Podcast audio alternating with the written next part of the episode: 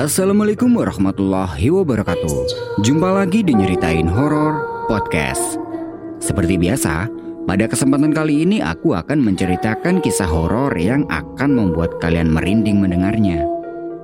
Buat kalian yang punya pengalaman horor dan ingin diceritakan di sini bisa cek infonya di kolom deskripsi. Nah, seperti apa kisahnya? Stay tune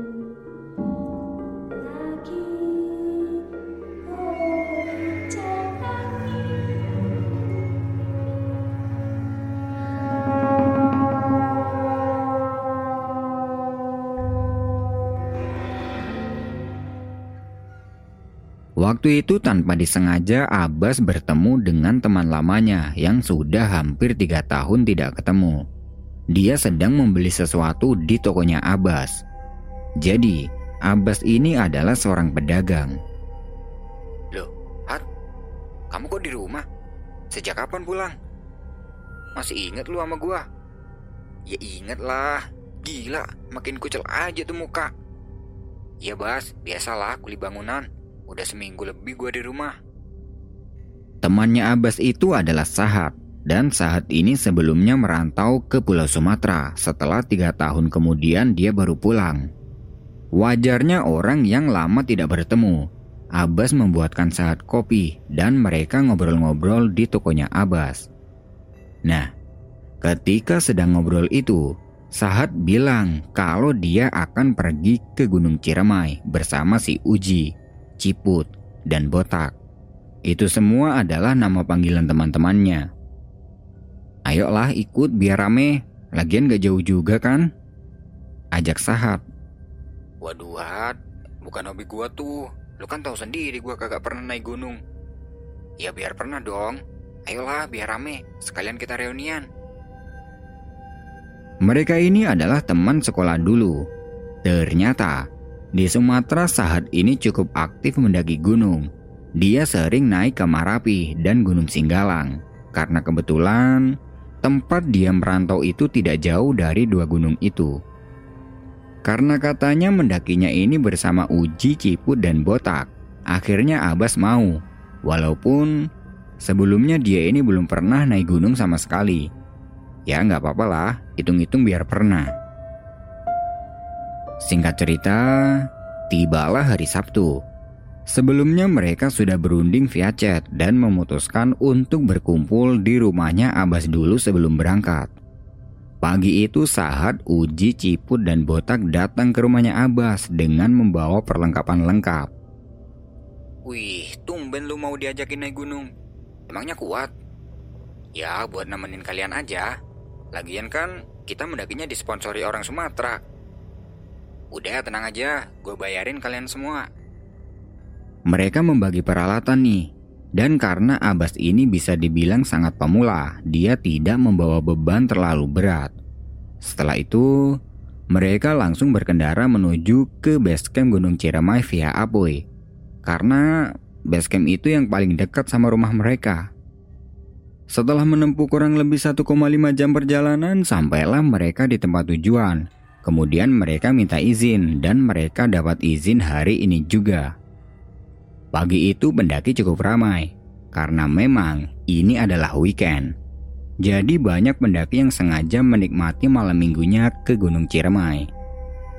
Pagi itu mereka langsung memulai pendakiannya karena targetnya mereka sebelum gelap mereka harus sudah sampai di Gua Walet.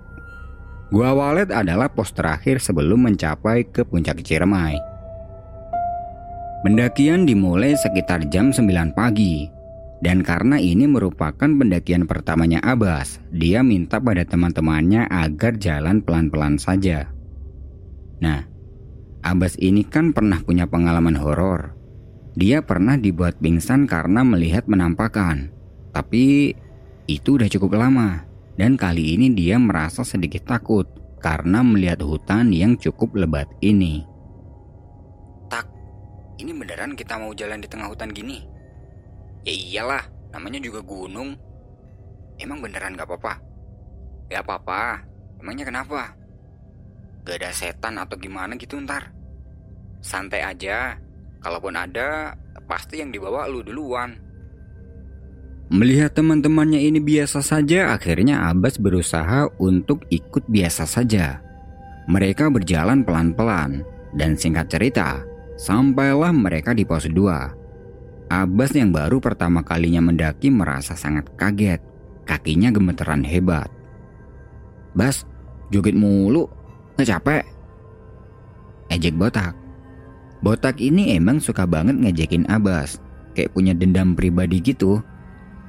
Joget pale lu, kaki gua gemeteran bukan joget. Jawab Abbas. Di pos satu itu mereka istirahat sebentar, kemudian lanjut perjalanan lagi. Setelah istirahat di pos tadi, Abbas sudah mulai terbiasa dengan jalurnya. Dia sudah tidak secapek tadi. Tidak terasa, sampailah mereka di pos 3 sekitar jam 12 siang. Di sana mereka istirahat lagi untuk membuat makan siang. Dan di pos 3 itu, mereka bertemu dengan tiga pendaki cewek yang juga sedang istirahat.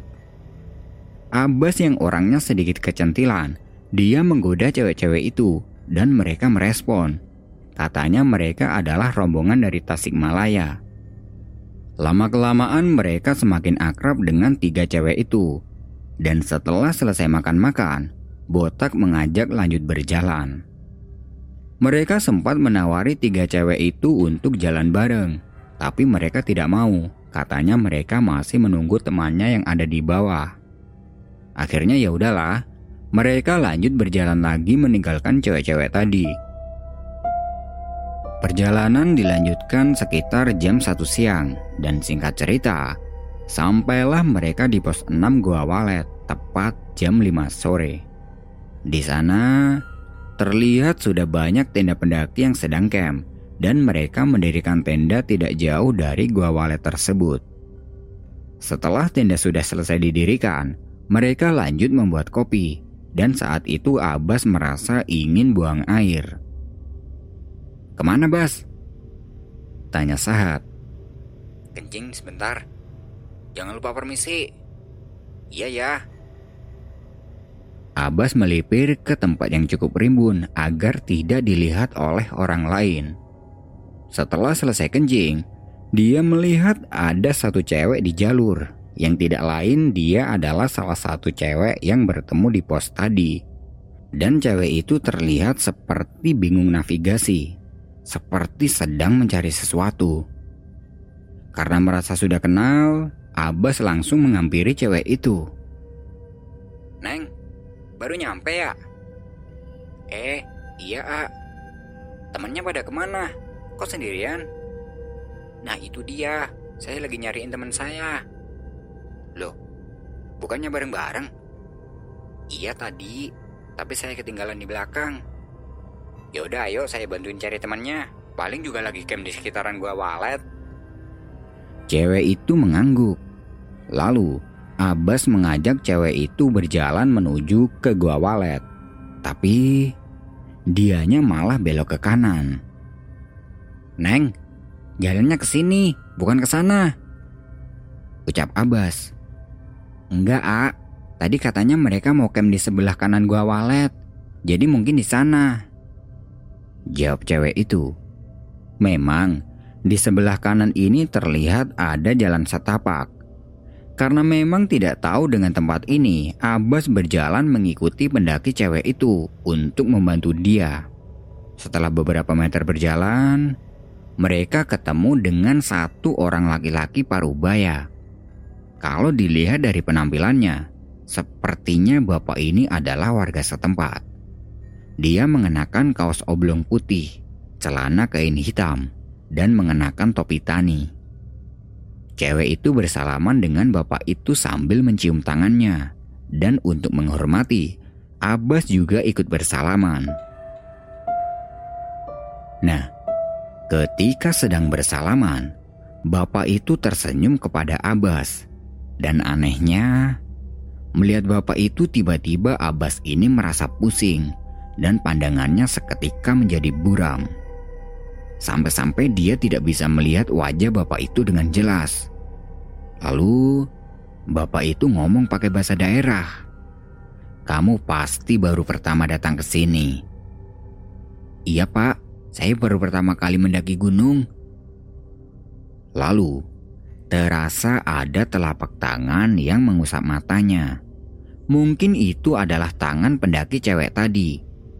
Setelah diusap, Abbas sudah bisa melihat dengan jelas. Dan dia benar-benar kaget. Ternyata, yang mengusap matanya itu bukan pendaki cewek tadi, melainkan seorang wanita yang mukanya ini sangat pucat dan pakaiannya coklat kotor. Spontan dia mau lari, tapi tangannya ini masih dipegang sama bapak itu dan ditahan. Jangan takut, dia nggak jahat. Ucap bapak itu. Kejadian semacam itu sudah pernah dialami Abbas. Dia pernah berhadapan langsung dengan wanita semacam ini dulu, dan itu membuat dia trauma sampai sekarang. Dia duduk jongkok sambil menutupi pandangannya dari wanita tadi sambil teriak ketakutan. Lalu, bapak itu memegang pundaknya Abbas sambil bilang, Jangan takut, gak ada yang perlu ditakutin. Abbas langsung melepas tangan bapak itu dan teriak ketakutan.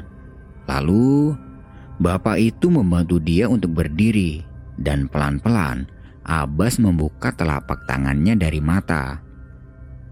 Buh, di sini dia makin kaget. Karena di sekelilingnya Abbas itu ada banyak banget makhluk yang sangat seram. Ada yang nempel di pohon, ada yang bergelantungan, dan ada juga yang joget-joget. Tanpa disadari, ternyata bapak itu membuka mata batinnya Abbas Makanya dia bisa melihat semua itu dengan kasat mata. Ya emang gitu sih kalau mata batin kebuka. Semua makhluk yang tidak kasat mata bisa terlihat semua. Bapak itu mengajak Abbas untuk berjalan. Katanya dia mau nganterin Abbas ke tendanya. Abbas ngikut aja dong. Setelah beberapa langkah meninggalkan tempat tadi, di depan terlihat ada sebuah pemukiman yang rumahnya ini semuanya khas Sunda. Bapak itu mengajak Abbas menuju ke sana, dan di sana juga terdapat beberapa orang yang menghuni rumah tersebut. Mereka berjalan berkeliling pemukiman, dan ketika berada di tengah-tengah pemukiman, terlihat ada sebuah bangunan yang sangat besar, dan bangunan itu dijaga banyak prajurit bersenjata tombak. "Pak, itu rumah siapa?" Gede banget. Tanya Abbas. Itu rumah penguasa tempat ini. Jawab si bapak. Abbas berpikir, penguasa?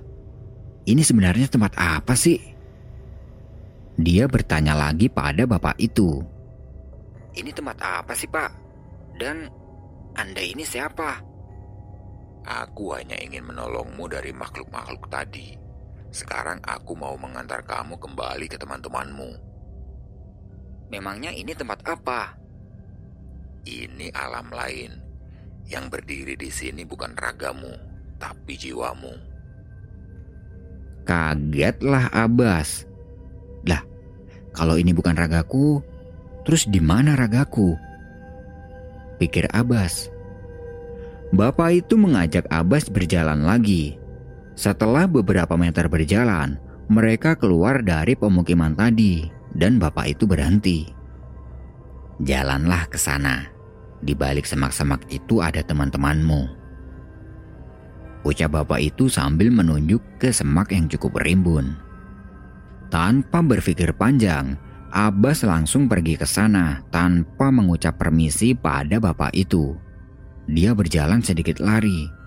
Sesampainya di semak itu, Ternyata itu semacam terowongan hutan, dan di ujung terowongan itu ada cahaya yang sangat terang. Abbas mempercepat jalannya menuju ke cahaya itu, tapi belum sampai di sana tiba-tiba terowongan ini menjadi gelap sampai dia tidak bisa melihat apa-apa. Cahaya yang ada di depannya tadi juga tiba-tiba meredup. Entah apa yang sudah terjadi pada Abbas. Tiba-tiba dia mencium aroma yang tidak asing, yaitu aroma minyak kayu putih. Dan seketika itu juga, dia melihat di sekelilingnya ini sudah banyak teman-temannya. Dan posisinya Abbas ini berbaring di atas matras. Di sini Abbas bingung. Apa yang baru saja terjadi? Dia langsung duduk dan bertanya pada teman-temannya. Loh, gue di mana? Gue di mana? Oi Bas, sadar lu. Lu habis pingsan tadi. Pingsan? Gue pingsan di mana? No, di sono. Sama saat dikasih air minum. Setelah minum beberapa teguk, Abbas merasa sedikit tenang dan terlihat satu cewek yang dia temui setelah kencing tadi ada di situ. Dia sedang bersama rombongannya. Neng, tadi Neng kan ya yang ngajakin saya ke hutan. Kapan, A? Orang kita baru aja sampai di sini kok. Lah, barusan katanya lagi nyariin rombongannya. Mana ada, A? Kita dari tadi sama-sama terus dan baru nyampe di sini. Nah, Uji mendekati Abbas nih Sambil pelan-pelan dia bertanya. Bas, lu habis jalan-jalan ya? Iya Ji, kok lu tahu? Udah lupain, simpen aja, ntar gue jelasin. Abbas ngikutin ucapan Uji tadi, kemudian mereka lanjut masak-masak bersama tiga cewek tadi yang berjumlah enam orang. Waktu sudah menunjukkan pukul 6 sore. Mereka semua makan-makan dan berbagi lauk dengan rombongan cewek-cewek tadi. Setelah itu, mereka ngobrol-ngobrol gitulah dan Abbas sedikit bercerita tentang kejadian barusan. Dia bilang kalau tadi dia ini sempat bertemu dengan salah satu cewek dari rombongan itu.